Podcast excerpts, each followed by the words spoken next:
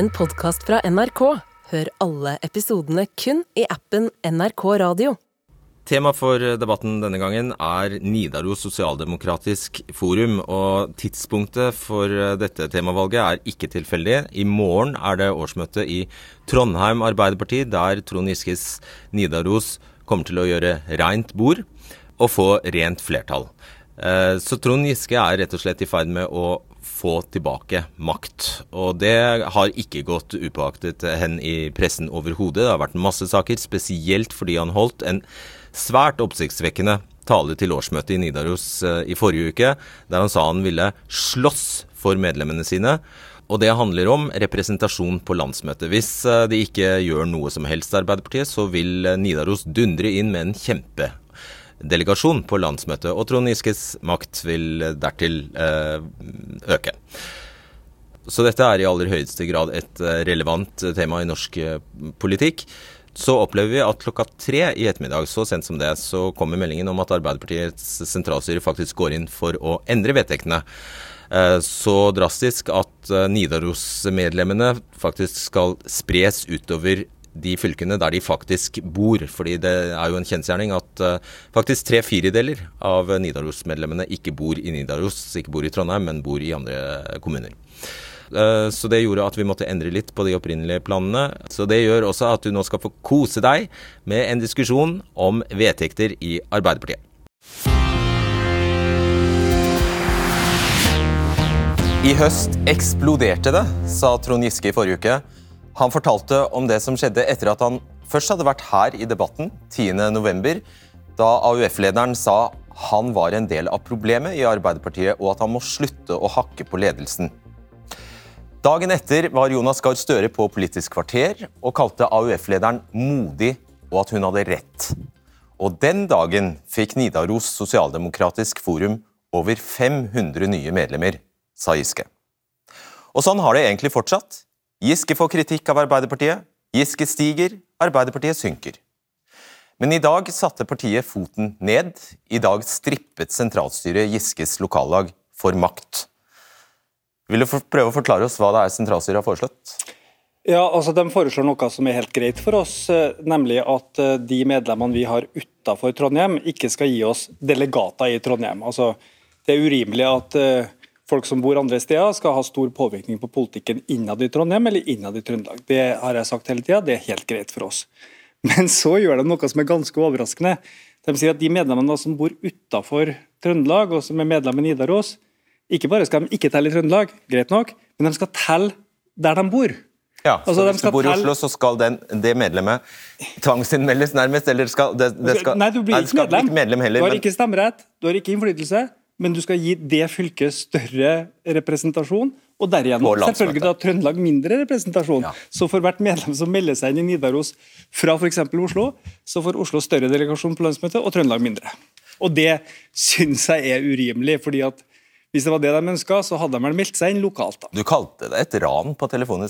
ja, det er jo veldig spesielt at folk tar et aktivt valg og melder seg inn i et lokallag som de ønsker å støtte og som de har sympati for. 90% av dem som har kommet med til oss, har jo aldri vært med i et parti før. Det er jo et fantastisk engasjement. Og så blir de fortalt at ja, nei, du skal ikke få lov å telle der du er med, sjøl ikke på landsplan. Lokalt, helt greit, men at de ikke skal få telle med på landsplan, det er urimelig. Hvorfor tror du straffer deg, straffer deg sånn, da? Nei, altså det her har jo vært opp før. Det var jo på landsmøtet for, det var før Kjersti Stenseng var partisekretær. Da ble det avvist, fordi man skulle ikke kvele engasjement, ble det sagt den gangen. Da var det Oslo som hadde masse medlemmer fra andre plasser. Men nå er det plutselig Trøndelag og Trondheim og Nidaros som har det, og da ble det viktig å få gjort noe med det. Ja, Da spør jeg deg hvorfor tror du det er sånn? Nei, Det må du nesten spørre dem som har bestemt det. Hva tror du, spør jeg.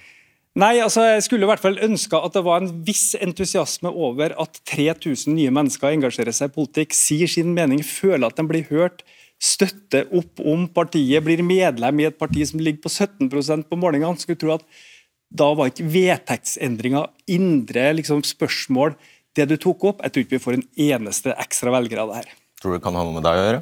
Det kan eh, jo ha noe med at eh, vi på noen punkter er litt uenige, men eh, jeg håper jo at man aksepterer at det må være et meningsmangfold i et stort parti, og at noen av oss faktisk tar opp de gangene partiets program ikke blir fulgt. Kjersti Senseng, partisekretær i Arbeiderpartiet. Hele landet sitter altså og ser på en spektakulær eh, vekst i Nidaros sosialdemokratisk forum. Det har blitt landets desidert største lokallag, rett og slett, uavhengig av eh, parti. Og dette er altså et blomstrende politisk engasjement som Arbeiderpartiet trenger, så hvorfor straffer dere dem? Eh, det er slett ingen straff. Jeg deler den entusiasmen eh, med Trond over nye medlemmer, og at Nidaros har klart å få så mange nye medlemmer, skape nytt engasjement. Eh, så jeg heier på og ønsker hjertelig velkommen alle de nye medlemmene. Og så er det jo slik at eh, Jeg mener jo at alle medlemmer skal telle likt i Arbeiderpartiet. At medlemskap skal ha både like rettigheter og lik representasjon. Så eh, Kort fortalt så er jo dette en modell der du kan få lov å være medlem der du vil, være aktiv der du vil, sitte i styret der du vil. Men så har vi en medlemsstruktur i Arbeiderpartiet, i likhet med alle andre partier, at oss, formålet vårt er jo å bygge sterke lokallag, der folk tar opp lokale saker, ting som engasjerer i et lokalsamfunn, som er viktig for folk, ha lokalpolitikere som representerer dem. og Da får du innflytelse lokalt, inn i kommunepartiet, inn i fylkespartiet, og det blir også da nasjonalpolitikk gjennom landsmøtet. Så Derfor er jeg opptatt av at uh, hvis du skal ha et sterkt medlemsdemokrati, så bør du òg ha representasjon fra alle medlemmer, uh, og den bør være lik på lokalt, uh, på fylkesnivå og på landsmøtet. Og Hvorfor skal Agder Arbeiderparti få eh, medlemmene som egentlig har gått hen og eh, støttet Giske i Nidaros? Altså, Oss er ett parti, eh, og Nidaros er et lokallag i Arbeiderpartiet. og Derfor er jeg opptatt av at lokallagene våre ikke skal miste makt og innflytelse eh, pga. medlemmer som bor andre plasser i landet. Det ser oss jo i Trondheim nå, eller i Trøndelag, da, at det er kommuneparti der som mister innflytelse fordi medlemmer som bor helt andre plasser i landet, får innflytelse. Og Det mener jeg kan være en uheldig utvikling med tanke på at vi er så avhengig av å ha lokal aktivitet og folk som er politisk aktive i sine lokalsamfunn. Men, men Kjersti, Det er helt greit. Nidaros har nesten 1000 medlemmer i Trondheim. Det er mer enn nok for oss for å få innflytelse og bli hørt. Så det, bare si De medlemmene vi har utenfor Trondheim, de teller ikke Trondheim. De medlemmene vi har utenfor Trøndelag, teller ikke Trøndelag. Det er helt greit. 100% enig, godtar det. Men at du da sier at de medlemmene som er utenfor, som har meldt seg inn i Nidaros, ikke bare ikke skal telle til oss, men de skal telle til andre steder hvor de ikke har stemmerett, ikke deltar, ikke har meldt seg inn. Du må jo se at det er et dilemma å si at de skal telle helt andre steder. Altså hadde du sagt, la oss si, Hvis du melder deg inn et sted hvor du ikke bor, så teller du ingen plass. Du teller, da har du gjort et valg. Du har valgt å melde deg inn i et lag en, i en annen kommune. Du støtter opp om det, men du teller ikke der, og du teller ikke hjem. Det, til og med det hadde jo vært bedre enn å si at nei, de medlemmene fordeler vi ut til andre fylker hvor de ikke har innflytelse. Jeg er ikke enig med det, Trond. fordi at eh, jeg mener at alle medlemmer skal ha like rettigheter. Det har jo vært diskutert en modell der du mister representasjon, som du sier nå. Eh, det mener jeg er feil. Har du 45 000 medlemmer i Arbeiderpartiet, så mener jeg alle skal telle. Det, og Da sier du at du skal ha en modell der du teller der du bor lokalt og på fylket, men du skal telle et annet sted på landsmøtet. Jeg mener det er viktig at du har en gjennomgående representasjon. Nei, jeg mener, jeg slik at du teller på samme sted på lokalt nivå og på nasjonalt nivå. Nei, men jeg mener, jeg mener ikke Jeg mener at du selvfølgelig skal følge medlemsrettigheter der du er medlem. Det mener både du og jeg. altså At du kan ha talerett, forslagsrett osv. Og, så videre, og valgbarhet og alle sånne ting. Men at ok, helt greit at vi har medlemmer fra Oslo skal ikke påvirke politikken i Trondheim. Vi teller bort dem. Men det kan jo heller ikke være sånn at de som bor i Oslo, ikke er medlem av Oslo, ikke har stemmerett i Oslo Arbeiderparti, ikke har påvirkning der, likevel skal telle med i deres fylkesdelegasjon det har jo ingenting med gjennomgående medlemskap eller like rettigheter å gjøre. Det, har, det er jo helt meningsløst. Eh, eh, ja, svar kort på det. Så skal jo, det har det. Fordi at eh, Jo. Fordi at Når du er medlem i Arbeiderpartiet, så er du medlem i et lokallag. Og ja, og hvis, ja, du, velger, og hvis du velger, og hvis du bor i Trondheim da, og er medlem i, i uh, Oslo Arbeidersamfunn, så velger du å være aktiv der, men likevel så har du bosted i Trøndelag. og det du sier, da, er jo at du skal miste representasjon lokalt. Enten så må du jo telle der du er folkeregistrert, eller så må du telle der du er medlem. Og jeg mener jo at alle medlemmer skal telle, og din modell er jo at du skal miste representasjon lokalt. No, no, eh, og det er jeg helt uenig i. Jeg mener at hvis du skal ta vare på et medlemsdemokrati, det er å sørge for at vi har lokal aktivitet, at du kan melde inn lokalt, ha innflytelse inn til landsmøtet, ja, så bør du telle på det samme sted gjennom hele organisasjonen. Det er her dere faktisk, Du skal få eh, hjelpe oss med litt voksenopplæring her. for Jeg tror slett ikke det er sånn at alle er klar over hvordan mandatene fungerer og hvordan, hva, hva, det er vi snakker om e, egentlig. Altså, eh, nå er det altså Bare, bare forklar, hva er, hva er, det som styrer hvor mange delegater, altså utsendinger, fra Trøndelag det blir på landsmøtet i Arbeiderpartiet? Ja, altså lokalt altså får Hvert lokallag i Trondheim får, 20, får et, en delegat per 20 medlem i Trondheimspartiet. Okay. Og det er klart at Hvis vi har mange medlemmer utenfor, så får vi kjempestor delegasjon basert på andre medlemmer. Helt greit, det tar vi bort. Men så er det jo sånn at når delegasjonene til fylkene regnes ut til landsmøtet, da er det jo basert på medlemstallet. Og Med det medlemstallet vi har, så får eh, Trøndelag ni delegater ekstra. Det er jo ikke all verden, det er jo 300 delegater der, så det gjør jo ikke liksom forskjell på makta på landsmøtet. Og Det sier Kjersti nå, at nei, Istedenfor at de skal telle med der de er medlem, der de har stemmerett og der de påvirker, så skal de telle med der de bor. Antagelig fordi at der de, der de går rundt i gatene i Oslo, så påvirker de på en eller annen måte Oslo Arbeiderparti. Og Jeg skjønner at det kan virke logisk fra toppen når du ser ned, men hvordan virker det for et medlem som bor et sted hvor de har valgt å ikke melde seg inn? Går til Nidaros og sier her vil jeg gjerne være med, eller bor ute på landet og, og, og, og, melder seg inn i Oslo Arbeidersamfunn, for der vil de være med. Og Så sier du ja, det må du gjerne gjøre, men du skal telle der du bor, der du ikke er medlem og der du ikke har påvirkning. Det, det, det, det jeg er redd for at vi mister medlemmer, Kjersti, og det taper Arbeiderpartiet på. Ja, og det som da skjer er at de, de, Hvis det er ni delegater fra Trøndelag som forsvinner fra Trøndelag med dette, så skal du spre dem ut på der disse medlemmene faktisk bor. Det det ja, De spres jo ikke tilfeldig. De, nei, nei, bor de bor. et sted. Ja. Og det er jo slik at uh, det å melde seg inn i et politisk parti, så får du jo noen rettigheter og noen plikter. Og det at representasjonen din telle i en kommune der du er folkeregistrert. Du må jo også være folkeregistrert eh, Du kan jo også stille til liste der du er folkeregistrert. Så det er ikke en tilfeldig modell. Nei, men det gir jo ganske rare utslag. Harmonerer med lokaldemokratiet vårt. Det er ja. uenig Jeg syns ikke det er et rart utslag. Nei, men Jeg skal gi deg et eksempel på et rart eh, utslag. Eva Kristin Hansen, altså tidligere stortingspresident, stortingsrepresentant for Trøndelag, samt nestleder i Trøndelag Arbeiderparti, hun sier hun med dette forslaget føler seg som et B-medlem i Arbeiderpartiet fordi hun er folkeregistrert i Ski kommune på Østlandet. Og Hun sier hun kommer, no, kommer med dette til å miste retten til å delta i trøndelagspolitikken, enda hun representerer Trøndelag på Stortinget. Det er et smått absurd? Ja, men Det stemmer ikke. Fordi at eh, Eva Kristin Hansen kan være eh, aktiv i Trøndelag Arbeiderparti. Hun kan sitte i styret i Trøndelag Arbeiderparti, hun kan gå på møter, hun har stemmerett, hun kan være delegat fra Trøndelag. Eh, men hun bor og har sin adresse i Ski, Nordre Follo. Uh, og da teller representasjonen hennes det stedet ja, så hun. Når det kommer til landsmøtet, har... så vil Eva Kristin Hansen bli representert av Vik, jeg vet ikke om man klarer, ja, ja. Av kommunen hun bor i, ja. og ikke av det fylket hun faktisk representerer på Stortinget. Altså hun, uh, uttellinga på antall mandater, så ligger stemma til Eva Kristin i den kommunen hun er folkeregistrert i. Men hun har alle sine fulle rettigheter til å være aktiv i Trøndelag. Ja, det skjønner jeg, men dette blir jo enda rarere når vi vet hvor tøyelige forhold mange her har hatt til bosted.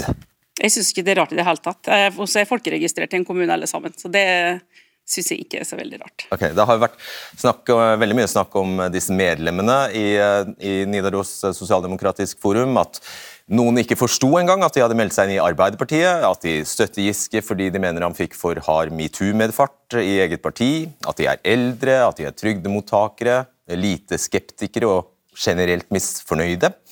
Vel, vi ba Giske ta med tre av medlemmene sine, så kan vi selv se. Irene Aunås eh, sier hun har kommet hjem mm. med medlemskapet i Nidaros. Thomas Ness driver to storkiosker og har aldri vært medlem i et politisk parti før. Og Inger Ågesdotter Hovengen er tidligere statssekretær for Arbeiderpartiet og vil at Nidaros blir sterke på landsmøtet, og hun er lei av at partiet bare driver med det hun sier er utredning på utredning og utvalg her og utvalg der. God kveld eh, til deg. God kveld. Ja. Eh, Vil du eh, utdype litt, hva, syns du om disse fordi disse vedtektsendringene får direkte konsekvens for deg? Du er med oss fra Vestre Slidre på telefon, for teknikken sto oss ikke helt bi her. Mm. Nei, altså jeg må jo si at For meg så er dette et veldig sånn usolidarisk og udemokratisk vedtak. Eh, og jeg syns dette var et svært uklokt sjakktrekk i disse tidene. For med stadig synkende oppslutning i Arbeiderpartiet, med vekst i Nidaros. Og jeg syns jo sjøl lite om at mitt medlemskap ikke skal få telle dersom jeg velger å være medlem. Eh, det er, det makta som rår, og det ser jo nå ut til at medlemmene sin stemme ikke betyr noen ting for partiet sentralt. Eh, men til syvende og sist så er vel dette et forsøk på å kneble Nidaros og Trond Giske. Hva var det som gjorde at uh, du bor altså 45 uh, mil fra Trondheim, altså du bor i Valdres. Hva var det som gjorde at du meldte deg inn i Nidaros Nei, For meg så handla det her om å få tilbake altså en eh, ekte sosialdemokratisk eh, politikk i praksis. Der alle kan få en forutsigbarhet i livene sine. Eh, Nidaros med han Trond Giske i front er for meg selve kjerna i sosialdemokratiet. Det er klar tale, det er klare mål, han er uredd. Han lytter til medlemmene. Vi har så mange oppgaver i dag. Vi må få bukt med fattigdommen. Det er altfor mange som sitter nederst ved bordet og som står med lua i hånda. Og ingen skal behøve å trenge det i 2023. Vi må få forutsigbarhet, strømprisen på alle disse tingene, på arbeidslinja. Altså, Kort sagt så føler jeg at vi må gi folk trua på at velferdssamfunnet er der for deg og det har vi råd til. Ok. Litt av en attest, Kjersti Stesning? Ja, altså Jeg er jo veldig glad for at Inger er medlem i Arbeiderpartiet. Enten det er i Vestre Slidre eller i Nidaros, så er jo helt altså, at, at, medlemmer melder seg inn pga. enkeltsaker, eller at de ønsker å ha innflytelse, er uenig med eh, saker innad i Arbeiderpartiet. Det er jo en del av det store medlemsdemokratiet vårt. og eh, Da bruker vi enten det er lokallaget der vi bor, eller det er da et annet lokallag som vi ønsker å være medlemmer i. Så bruker vi den makta vi har der til å ha innflytelse, påvirke politikken i den retningen vi ønsker. Så jeg er jo enig med Inger i det. Vi må få bukt med fattigdommen, vi må gjøre noe med forskjellene i samfunnet vårt. Mer sosialdemokratisk politikk, det heier jeg på. Jeg er glad for at Inger skal være med å påvirke det. Eh, og det gir oss jo i Arbeiderpartiet, litt uavhengig av både hvor hos bor og hvor hos er aktive. Jeg ønsker jo mest mulig aktive medlemmer. Det var jo ikke det hun sa. Hun sa det er Trond Giske som kan føre disse kampene. Ja, men Vårt parti handler ikke om enkeltpersoner. Det handler om at våre medlemmer skal ha muligheten til å få utløp for sitt engasjement, ta opp saker, ha innflytelse, gå på møter, ha stemmeretten sin og dermed være med og vedta politikk som de selv er opptatt av. Men, men de skal ha stemmeretten sin i Nidaros, de skal ha medlemskapet sitt i Nidaros. Og så sier du vi er jo ett parti, så det spiller jo egentlig ikke så stor rolle. Kunne ikke de da få lov også telle i Nidaros inn imot landsmøtet? De bor i Norge, og landsmøtet styrer politikken i Norge. Du må ikke komme med argumentet med Trondheim og Trøndelag. Hun må få lov å bli hørt, også stemmemessig. Vært medlem av Arbeiderpartiet i 40 år, hadde en far som satt på Stortinget. Eh, er Arbeiderpartiet i hjertet la hun telle som et fullverdig medlem, også i Nidaros, inn mot landsmøtet. Selvfølgelig skal Inger telle som et fullverdig medlem, men det er også uenige om, Trond, er jo nettopp det med gjennomgående representasjon. Jeg mener at medlemmer skal telle likt lokalt nivå og på nasjonalt nivå. Det er også uenige om. Da skal vi til Nærøysund. Amund Hellesø er ordfører eh, der for Arbeiderpartiet og nestleder i Trøndelag eh, Arbeiderparti. Og du er for, for denne vedtektsendringen. Har Giskes lag fått for mye makt? Nei, det jeg vil si, det er at Først må jeg si at jeg er imponert over den jobben som er gjort i Nidaros, både i forhold til medlemsverving og, og i forhold til det jeg opplever partilaget jobber med av politikk. så det er sånn, Bare for å ha det helt klart.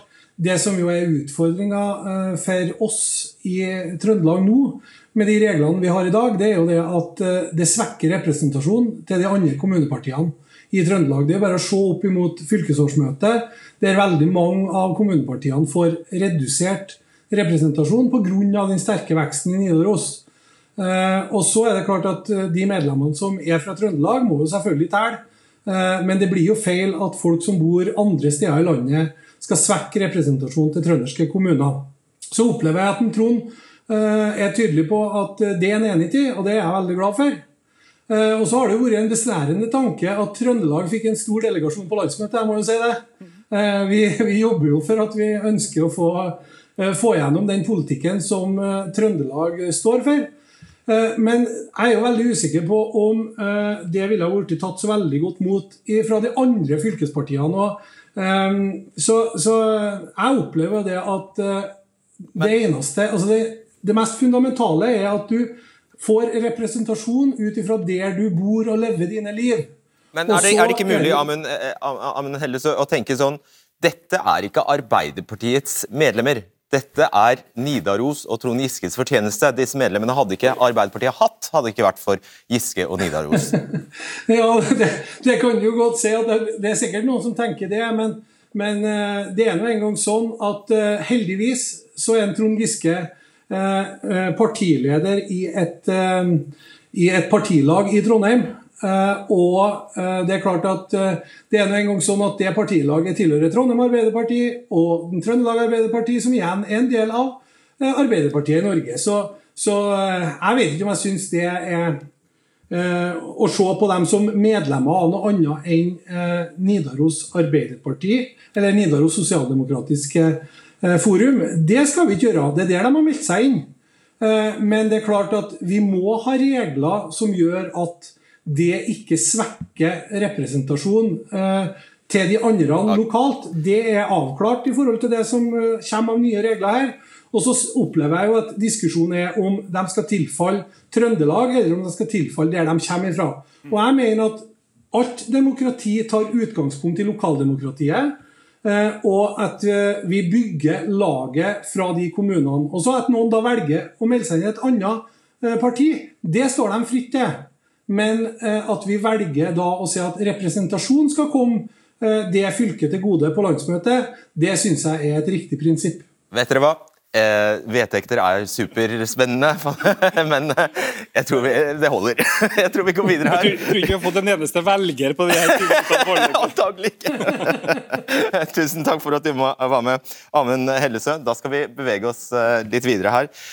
Irene Aunås, du meldte deg altså inn i Nidaros Sosialdemokratisk Forum i fjor og sitter i styret der. Og til oss har du fortalt 'Jeg har kommet hjem'. Ja, det stemmer. Forklar. Eh, jeg er eh, fjerde generasjons sosialdemokrat. Eh, og de verdiene Nidaros da har, dem falt meg veldig godt i hjertet. Gjør. Nidaros, det er, dem, si, det er et godt fellesskap med trygge rammer. Du har muligheten til å si akkurat det du vil, uansett og uavhengig om det er hva skal jeg si, feil eller ikke feil. Og det uh, Ja, ja, kan være Eh, det passer vel her å legge til at du har selv lang og veldig krevende erfaring med Nav. Ja, det stemmer.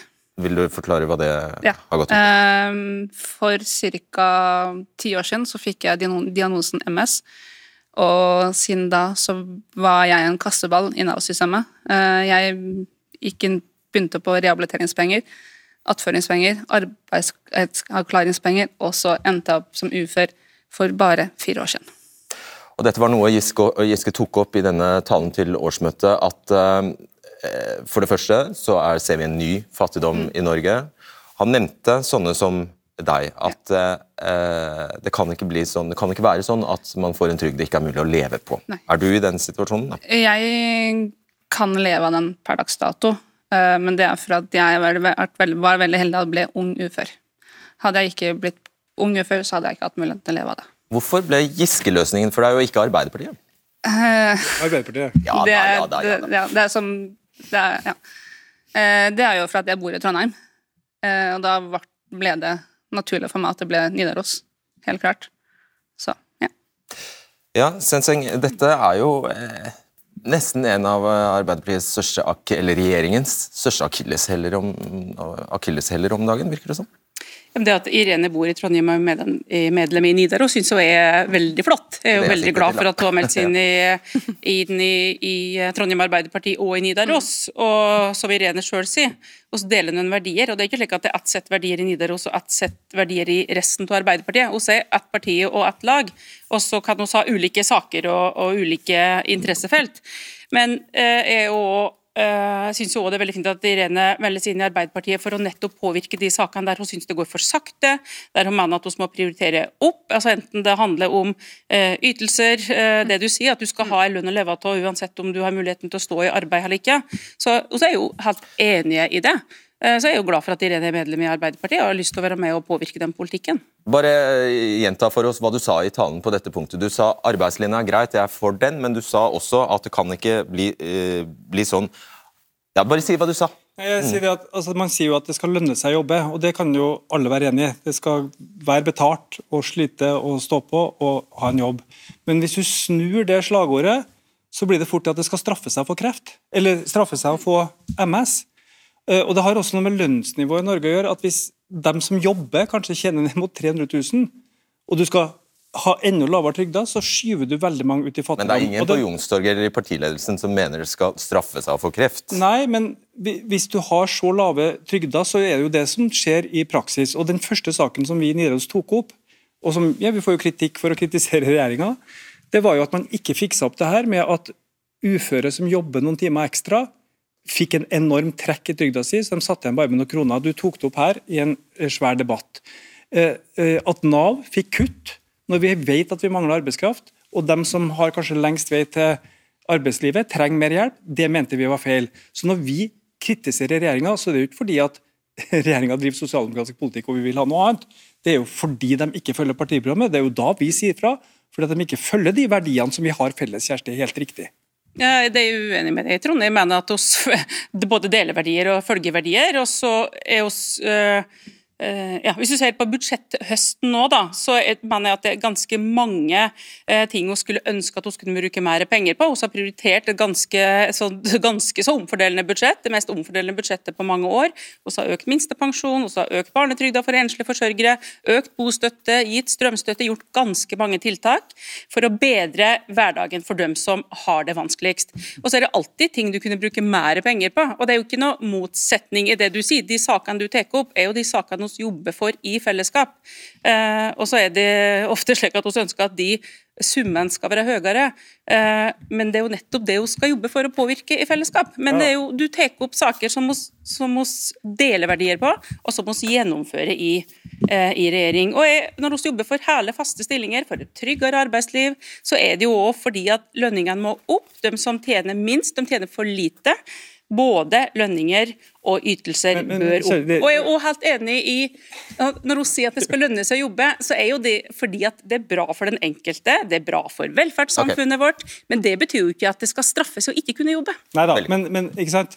Regjeringa gjør masse bra. Det er derfor vi som står her, er med i Arbeiderpartiet. Derfor har jeg vært med i 40 år i april. Eh, så det trenger du ikke å forklare. Eh, det gjøres enormt mye bra.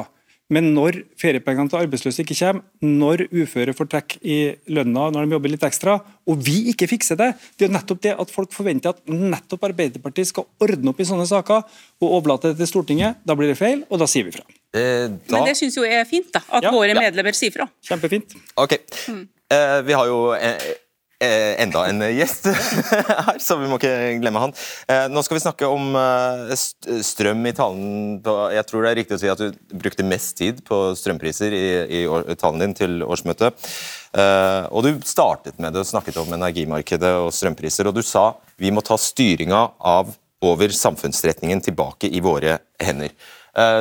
LO-sjef PG Hessen Følsvik sa til TV 2 eh, i januar at du må ikke holde på sånn som du gjør nå. Eh, at du burde egentlig bruke energien din på en annen måte. Eh, tar du et sånt altså Ser du at du driver egentlig bare og skader eget parti?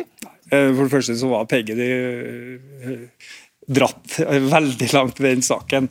Eh, og LO har jo selv kommet med krav om eh, bedre tiltak på strømmen. og Fellesforbundet har jo foreslått makspris, sågar, så der er det jo mange som har sterke meninger. Men eh, for all del, altså strømstøtte er viktig. Det er bra at folk får igjen penger. Men vi ønsker jo en sterkere styring med utenlandshandel med kraft, sånn at ikke norske kraftpriser bestemmes i Tyskland. Og Så blir det liksom parodisert med å si at vi skal kappe kablene. Vi har jo hatt kabler siden 60-tallet. Var en av Gerhardsen, som ikke var noe dårlig sosialdemokrat, som starta å bygge kabler men de skulle brukes til nødvendig utveksling for å sikre forsyningssikkerheten. De skulle ikke brukes til at krafta skulle selges på en børs, hvor tyskere og franskmenn kunne by, sånn at prisen ble satt av etterspørselen i Tyskland. Da, Thomas Næss, eh, velkommen til deg. Du er styremedlem i Nidaros Sosialdemokratisk Forum. Jeg sa tidligere her, du hadde aldri vært engasjert i et politisk eh, parti før, eh, før dette. Jeg tror det er sånn at strøm var viktig for deg, faktisk. Jo, det var jo en av tingene som var viktig for meg også. Eh, men jeg syns jo hele den engasjementet som var i Nidaros eh, opptok meg veldig. da. Eh, alt fra strøm til eldrepolitikk, skolepolitikk og, den biten der. og veldig, Det var møter som det var masse folk og mye engasjement. Men det er klart, jeg driver jo selvstendig næringsdrivende. Jobba de siste 17 årene i Reitan-gruppen driver to kiosker i dag og, og, gjort det i mange mange år. Og I Norge så er det jo sånn at eh, det er dyrt å drive bedrift i dag. Eh, vi har høye lønnskostnader, det er høye leiekostnader. Det eneste som vi har vært gode på, egentlig, det er at vi har hatt strøm tilgjengelig på kraft. Som har gjort, eh, gjort oss i stand til da, å, og, så, så selvfølgelig så var strøm en viktig del av det, ja. Og Hva er det i akkurat Trond Giskes Nidaros du da eh, finner som du ikke mener regjeringen følger opp? Uh, nei, det vi finner i partiet, eller i laget vårt, er jo egentlig det at uh, vi snakker språk som folk forstår. Det er tydelig, det er engasjement. Uh, alle sammen får, får, mulighetene til å være, si meningene sine og bli hørt. Da. Så, så, ja. Så. Mm. Uh, Andreas Bjelland Eriksen, har du ventet lenge? Du er statssekretær i Olje- og energidepartementet, også selvfølgelig fra Arbeiderpartiet. Er du enig i et sånt utsagn, vi må ta tilbake styringa over energimarkedet? Ja, det deler jeg fullt og helt, og det mener jeg jo er regjeringens politikk. og jeg har lyst til å si... Mener du det, jo, at dere driver med det? Tar ja, tilbake styringa? Ja, det mener jeg. Alle de tiltakene som har gjennomført, det handler om å lansere havvind, eh, raskere energieffektivisering, eh, få til landbasert vindkraft, få til mer solkraft, mer nett. Alle dette er punktene som handler om å ta tilbake styring, sørge for at vi får kontroll på den krevende energikrisen vi står i, og sørge for at vi får kontroll på den utfordringen som bl.a. Energikommisjonen har beskrevet, knytta til kraftoverskudd framover, og det å sørge for at vi har kraft til alt det vi skal gjennomføre. Og så eh, fikk jo jeg lov å komme i høst til Nidaros sosialdemokratiske forum. Det var et kjempehyggelig møte. Vi hadde en flott debatt. Eh, jeg fikk lov å snakke 15 minutter solo i staten og presentere hva regjeringen jobber med. Får du ikke gjenta her, for å si det sånn. det skal jeg ikke gjøre. Men jeg fikk, eh, jeg, jeg fikk jo gleden av å, å lese det Nidaros nå har vedtatt. Og mange av de tingene jeg snakket om der, finner jeg jo igjen. Både knytta til prinsipper om hvordan kraft skal komme til norske folk til gode metode knytta til behovet for mer kraft, mer energieffektivisering. Og så er det noen punkter vi er uenige om politisk, eh, som jeg mener handler om eh, hvilke valg vi må ta for å styre, for å videreutvikle kraftsystemet vårt på riktig måte. Men Arbeiderpartiet har jo alltid vært et parti med stor takhøyde, som tør å diskutere vanskelige ting. Så at vi blir utfordra på det, det forventer jeg egentlig at vi blir hver eneste dag av partiet vårt, så lenge strømprisene er høye. Ja, det regner jeg også med, egentlig. Men du, hva tror du i ditt eget parti? Hva er din følelse? Hvem har størst oppslutning? Ditt syn eller, eh, eller Giskes syn om strøm? Her skal det få lov å være en god debatt fram mot eh, landsmøtet. Men eh, eh, vi har jo et eh, energiutvalg som eh, har jobba lenge, som er bredt sammensatt av mange ulike deler av partiet, og som peker på at vi må utfordre en del ting, mer enn det vi har gjort i dag, som er litt i retning av det Trond mener. Og så peker de på mange av de tingene som regjeringen er godt i, i gang med. og eh, Der kommer det helt garantert til å være en god debatt eh, fram mot landsmøtet. Men Arbeiderpartiet er og vil alltid være et styringsparti. Det er resultatene av den styringen vi gjør som er viktig, og at vi må ta noen ubehagelige valg, stå i litt tøffe ting, det mener jeg er regjeringens oppgave. At vi er ærlige, åpne om den kunnskapen vi har. Det Energikommisjonen har vist oss at vi står i. Og så er det partibevegelsen, eh, eh, grasrota vår, sitt oppdrag å fortelle når vi ikke er gode nok på kommunikasjon, når de vil mer. Og Det oppfatter jeg at vi har en god arbeidsdeling på. Jeg tror det er veldig mange i regjeringa og sikkert i partiet for øvrig som er frustrert over at ikke vi får uttelling for alle de gode tingene vi gjør. Om det er billigere SFO, eller om det er innsats på næringspolitikk, eller om det er uh, masse forskjellige ting på barnehager osv. Uh, og jeg tror kjernen i det er at folk etterspør sterkere lut i strømpolitikken.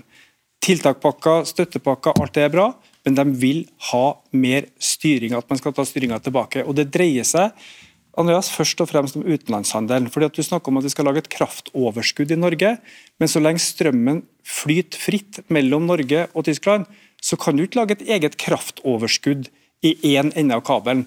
Og Du kan heller ikke få forskjellige priser, fordi at hvis prisen er tre kroner på tysk ende, så får du ikke 50 øre i Norge, for da går all strømmen til Tyskland. Du må regulere utenlandshandelen slik det var, om ikke akkurat på samme måte, da vi bygde disse kablene for å sikre forsyningssikkerheten, men ikke for å skape en markedsliberal strømsektor. For strømmen har vært et velferdsgode, som har vært, akkurat som Thomas sier, et konkurransegode for bedriftene og et gode for folk i Norge. og Det må vi få tilbake. Det forventer folk av Arbeiderpartiet. Altså, Strømstøtteordningen og alle de grepene vi har gjort på kort sikt for å håndtere denne situasjonen, handler jo egentlig om å sørge for at norske husholdninger betaler en annen pris for strømmen enn det vi selger strømmen for til utlandet. Norske, norske husholdninger har jo ikke lyst på veldig høy strømpris nei. først, for så å bli kompensert for det. Det er, det, det er jo ikke det, det foretrukne valget, akkurat. Helt klart, jeg er helt enig i det, og jeg deler det fullstendig. Og så er bare utfordringen da at uh, selv om jeg er enig med Trond og med Nidaros at vi må tørre å diskutere med våre naboland hvordan dette systemet kan se ut i framtiden.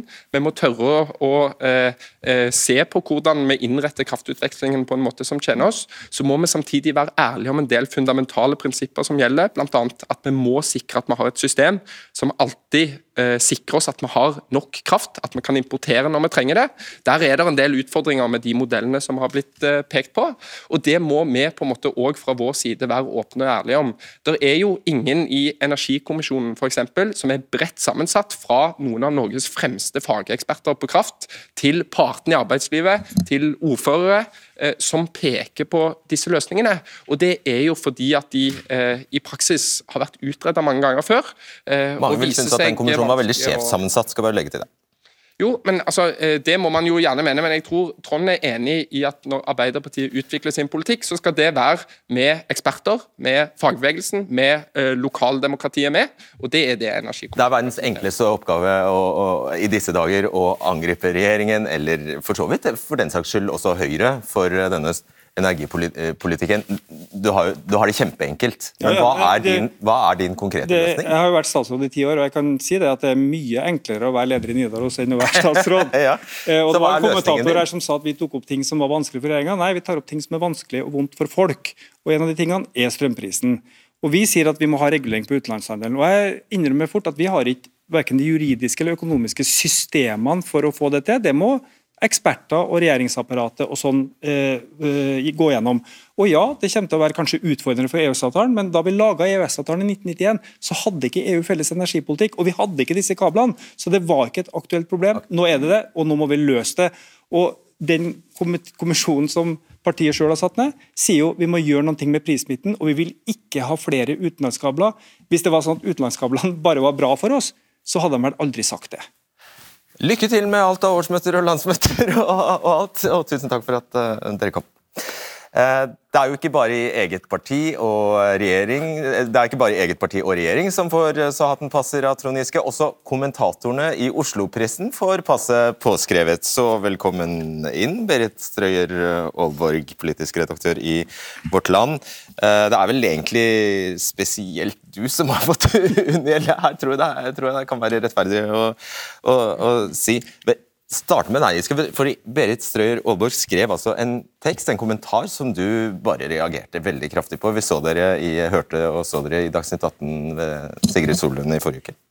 Ja, det gikk jo kulevarmt, kanskje. Da. Det, er jo ikke så gunstig. Men, men, jeg blir litt oppgitt, eller lei meg egentlig, på vegne av medlemmene. fordi at, ikke sant, det er 3000 mennesker som har meldt seg inn. De fleste av dem har ikke noe lang utdanning, har ikke noe øving på å formulere seg akkurat sånn som man skal gjøre i hovedstadspressen. De sier hva de mener, det kommer fra hjertet, de bruker ord som de eh, bruker. Eh, og Da skal de bli lytta til, og veldig mange av eh, de medlemmene, men også andre folk i Norge, føler at deres mening ikke teller. At de ikke blir lytta til, og at det finnes en gruppe mennesker som skriver for og til hverandre, og at det er der ting bestemmes. Ja, Du syns teksten hennes var ja, nedlatende? Ja, hun skriver at, hun skriver at vi er et hun siterer et sitat på at vi er et oppsamlingsheat for misnøye, og så skriver hun at det er folk som ikke vet at de er med i Arbeiderpartiet, som tror at de er med i en støttegruppe for Trond Giske. Altså, det finnes ingen medlemmer i Nidaros som ikke vet at de er medlemmer av Arbeiderpartiet. og jeg synes Den måten å tilnærme seg dem som nå viser et politisk engasjement for første gang, det er nedlatende. Man burde juble over det. Om man er uenig med strømpolitikken og fattigdomspolitikken til Nidaros, så kan man i hvert fall juble over at det er et politisk engasjement som man veldig sjelden ser. Du kalte Berit Strøyer Aalborg eh, Nidaros eh, for en eh, gjøkunge. Det er ikke særlig fint? Nei, det kan du godt si, men, men, det var jo en beskrivelse på nettopp det som man har stått og diskutert her nå nettopp. At det er et parti som har lokalpartier, fylkespartier, og så har man en, en organisasjon som gjør at man har sine strukturer. Mens, mens Nidaros da på en måte har Eh, vokst seg veldig stor og tatt med folk fra veldig mange forskjellige deler av landet. Og Det var det jeg mente med Njøkung. Og det er, ikke sant, Du ser jo at politikere i Trøndelag fra Arbeiderpartiet syns dette er problematisk. Så det er mulig at det var en litt sleivete eh, eh, begrep, men, men, det var egentlig bare ment for å beskrive at det er på en måte en konstruksjon som alle partier kanskje ville reagert på, nettopp fordi man har sine strukturer. Og Hvis det hadde vært sånn at de ulike partiene i Norge skulle begynt å ha hatt grupper som hadde strømsyn, histen og pisten, som danna egne grupper, så hadde det kanskje blitt ganske rotete. og det tror jeg det tror jeg de fleste partier ser, og det er jo det som Stenseng egentlig står her og sier. Men, men er det ikke litt fint at det er litt rotete? da? Er det ikke fint om tusenvis og titusenvis av mennesker roter seg inn i politikk og mener akkurat det de mener? Lærer kanskje noe nytt, møter motstand, utvikler synet sitt, men påvirker og ikke minst har en følelse av å bli hørt. Jeg tror det farligste for demokratiet i vår tid, det er at folk føler avmakt, avstand, polarisering og det viktigste medisinen mot det er deltakelse. Og det er det vi driver med i Nidaros. Jeg syns jo, og det sa jeg også når vi møtte hverandre i Dagsnytt 18, at jeg syns jo dette er spennende. Det er derfor vi følger det. Og det er eh, imponerende faktisk det Giske og denne støttegruppa med, med Bauge, hva de har fått til av uh, rekruttering. Så, så, det er ikke nedlatende egentlig, men, men det er en forsøk på å beskrive hvordan en struktur er. Og det er jo jobben vår som politiske journalister og kommentatorer å gjøre. Og det var egentlig det jeg forsøkte å gjøre. Ok. Eva Grinde, du er kommentator i Dagens Næringsliv, og du skrev nylig at Trond Giske kan bli farlig for et skjørt Arbeiderparti. Eh, er han fortsatt det, etter det du har hørt i kveld? Jeg, jeg synes jo det, det, har vært litt sånn eh, småforsonende tone her over, eh, over bordene i dag. Altså, eh, Kjersti Stenseng er liksom veldig opptatt av at det er veldig bra med mange nye medlemmer, og dere er jo på den samme politikken, og egentlig så er din kritikk kun at Eller Giskes kritikk, da, kun at sosialdemokratiet ikke gjør eh, gjør det de egentlig mener selv at de skal gjøre. Så det er egentlig bare et vennlig dytt. eh, eh, samtidig så ser man jo ikke at denne eh, Giske-veksten har, har, hatt en, en, stor effekt for oppslutningen om, om, Arbeiderpartiet. Så det er, jo, det er jo ikke helt vilt å se dette som litt motstridende krefter. Men jeg tror at det er, det er fortsatt noen grunner til at det er farlig. Ja. Det, det ene kan man jo se i, i politikken. Altså på sentrale politiske punkter så utfordrer eh, Nidaros eh, regjerings-Ap, hvis jeg skal kalle det for det. Eh, og for det andre så er det jo lettere å ramme, og de to tingene henger jo sammen, lettere å ramme et parti som sliter såpass mye som Arbeiderpartiet gjør. Og den tredje grunnen til at Nidaros kan bli farlig, i hermetegn. Altså ikke hvis alle, de går opp i en høyere enhet og blir en eneste stor familie til slutt, selvfølgelig. Da blir det ikke farlig for Arbeiderpartiet. Men, men men hvis det stadig blir eh, å stikke små eh, inn i politikken til, eh, til regjerings-Ap, så, så, kan det bli det. Og noe av grunnen til det er jo også Giskes politiske talent og styrke og appell, og også evne til å se hva som er viktig for folk, og ta opp det og sette ord på det, sånn som vi hørte at medlemmene hans her snakket om. Men hvis, hvis denne sammenhengen er så negativ som du sier, altså dess mer populært Giske og Nidaros blir, dess mindre populært blir Arbeiderpartiet, da vil han til slutt, da vil han jo til slutt rive ned Arbeiderpartiet? Ja, nei, jeg, jeg, jeg, har ikke slått fast at det er sånn. Jeg merker at de, de driver føler hverandre litt på tenna på akkurat det der, så vi, vi, vi får se. Det er, ikke, det, er ikke, det er, jo ikke, alltid at det er sammenheng mellom to fenomen, eh, selv om de skjer samtidig. Altså At Arbeiderpartiet har 17% oppslutning, eller 16,8 som vi hadde nå, Det er jo ikke sånn at folk oppdager at eh, strømprisen er høy fordi Nidaros forteller det, eller skjønner at trygda ikke strekker matprisene eh, fordi Nidaros forteller det. Vi kanaliserer det medlemmene våre er opptatt av, prøver å få endring på det. og Det tror jeg i lengden vil være veldig positivt for Arbeiderpartiet og sosialdemokratiet. Og så er det en ting det, og det er at det kan jo hende at Dagens Næringsliv og Nidaros rett og slett er uenige politisk. Altså, Dagens Næringsliv står et ganske annet sted politisk. Det gjør Aftenposten, det gjør også Vårt Land. Og Det som jeg synes er litt synd med kommentariatet, er at det er veldig like meninger. Litt sånn borgerlig, høyre, venstre, eh, markedsliberalisme. Og Der skiller vi oss fra kommentariatet, og derfor blir vi kanskje også kritisert. Okay. Svar veldig fort, og så er det Snorre Wold. svare på, fordi at eh, Du snakker om kommentariatet som en størrelse og en politisk aktør på en måte som, som vi jo ikke er. altså vi analyserer og forsøksvis observerer og setter, prøver å se ting i sammenheng, se hvorfor det er viktig, hva slags konsekvenser det kan få osv. Det er en rolle som er viktig å ha, at den er uavhengig, og at også politikere forstår at man ikke er aktører. Vet du hva, Jeg har nødt til å bare si veldig kort, fordi Noe av det som jeg har prøvd å analysere og skrev om i denne kommentaren som Giske reagerte på, det var nettopp at han ved sin politikk utfordrer EØS-avtalen. EØS og det er veldig interessant, fordi at EØS-avtalen altså på strøm, er jo på, på strøm. strøm ja. fordi at EØS-avtalen er jo nettopp fri flyt. og Hvis man da utfordrer og fjerner den avtalen, så vil det få konsekvenser for mange andre deler av næringslivet. Og kanskje, og det tror jeg, det tror jeg forstått Giske være enig med, kanskje vil det, hvis næringslivet vil få store problemer, vil kanskje gå utover de aller svakeste men, i men, Norge. Men, jeg, er jo veldig, jeg er jo veldig for EØS-avtalen, men problemet er at i kommentariatet tror jeg kanskje med unntak av Klassekampen og Nasjonen, at det ikke finnes en eneste EØS-motstander. Det burde det kanskje gjort. Eh, det er en stor diskusjon. Snorre velkommen hit. Er det som Oslo-kommentariatet, eller? Ja, nei, jeg, nei, jeg prøvde å holde tunga rett i munnen der. Altså. Ja. Du er mot EØS-avtalen? Jeg er ikke i det. Du er redaktør i Trønderdebatt. Jeg skal bare, altså, TV 2 meldte, mm, har telt opp eh, tidligere i dag at eh, tre av fire medlemmer i Nidaros ikke bor i Trondheim. Mm. Eh, ja, I Trondheim, ja. Tre av fire var det. Mm. ja. I to av tre i Trøndelag. I Trondheim. Um, så er det i årsmøtet i Trondheim Arbeiderparti i morgen. Lederkandidaten i Trondheim Arbeiderparti har trukket seg. Og Giskes lokallag har flertall, rent flertall på det møtet. Hva sier dette om hans maktposisjon i Trondheim nå? Nei, Den sier jo to litt motstridende ting på en gang. egentlig. For På den ene sida sier det jo at Nidaros Sosialdemokratisk Forum, ikke bare Trond Giske, men, men lokallaget han leder, har betydelig makt. Det skulle et innspill til fra dette lokallaget for at eh, den aktuelle lederkandidaten ja, Han sa jo rett ut at han så på det som håpløst og skulle ta en kamp da. Ja, fordi når han ikke hadde Giskes støtte, så var det ingen vits. faktisk. Men, ikke sant, men så, det, men så, er det, jo da viktig å huske at grunnen til at den makta er der, er jo fordi det er veldig mange medlemmer i bånn. Og, og jeg synes det er litt sånn åh, jeg angrer litt på at jeg er her, egentlig. Fordi alle, jo, fordi alle lar seg paralysere sånn av Trond Giske. Og det, og det, er en av egenskapene han har. Alle blir paralysert av Trond Giske. Mediene blir det. Plutselig så står vi her og sier at vi ikke er politiske aktører, vi som er kommentatorer. Selvfølgelig er vi det. Jeg skriver jo hva jeg mener om politikk hver eneste dag. Arbeiderpartiet lar seg paralysere av Trond Giske. Og så tror jeg også Trond Giske sjøl noen ganger lar seg paralysere av Trond Giske. Av seg selv? ja, det tror jeg. F.eks.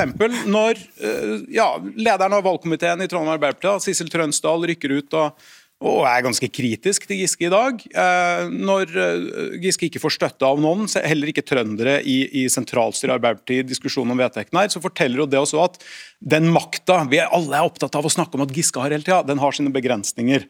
Um, og jeg tror det er sånn skummelt da, å, å hele tida skal diskutere politiske konflikter i Arbeiderpartiet som stikker mye dypere enn personer, med utgangspunkt i enkeltpersoner. Det fører både til at det kvinne- og AUF-opprøret som var i, i Arbeiderpartiet for to år siden i Trøndelag, eh, bare ble, etter hvert ble kanalisert mot én person. og Det førte tror jeg, til at partiet slapp å ta et liksom grundigere oppgjør med sin egen partikultur. Men på den annen side, det gjør det mulig å avskrive veldig mye politisk kritikk av regjeringa som noe Trond Giske har funnet på. Og Da reduserer man jo ganske mange tusen medlemmer av Nidaros Sosialdemokratisk Forum til å være en slags funksjon av én enkeltperson. Og jeg tror ingen av de ingen av de sakene er særlig sunn da, for den politiske debatten. og Derfor skulle jeg egentlig ønske at vi sto her og diskuterte sakene, da. Det var snakk om. Ja, forsøk på det. da. Giske. Ja, da, ja da. Uh, vi gjorde et lite forsøk ja, på det. Helt til vi kommentatorene kom inn. Helt til dere kom inn. ja, for sånn det var. Du, uh, disse, to, to, sekunder bare. Um, disse vedtektsendringene de kommer jo da ikke til å trå i kraft før neste landsmøte i Arbeiderpartiet. Er det riktig det vi, den runden vi hadde tidlig her, eh, er det riktig å lese disse vedtektsendringene inn i en Giske-debatt? Ja, en debatt om Giske? Ja og nei. Ja, fordi utfallet selvfølgelig er påvirka av den uh, uproporsjonalt store makta Nidaros Sosialdemokratisk Forum har fått. Men det er også viktig å huske at det her utvalget ble jo satt ned så vidt jeg kan huske, før Giske ble leder i Nidaros Sosialdemokratisk Forum, og med bakgrunn i en rekke diskusjoner som har gått lenge i Arbeiderpartiet, f.eks.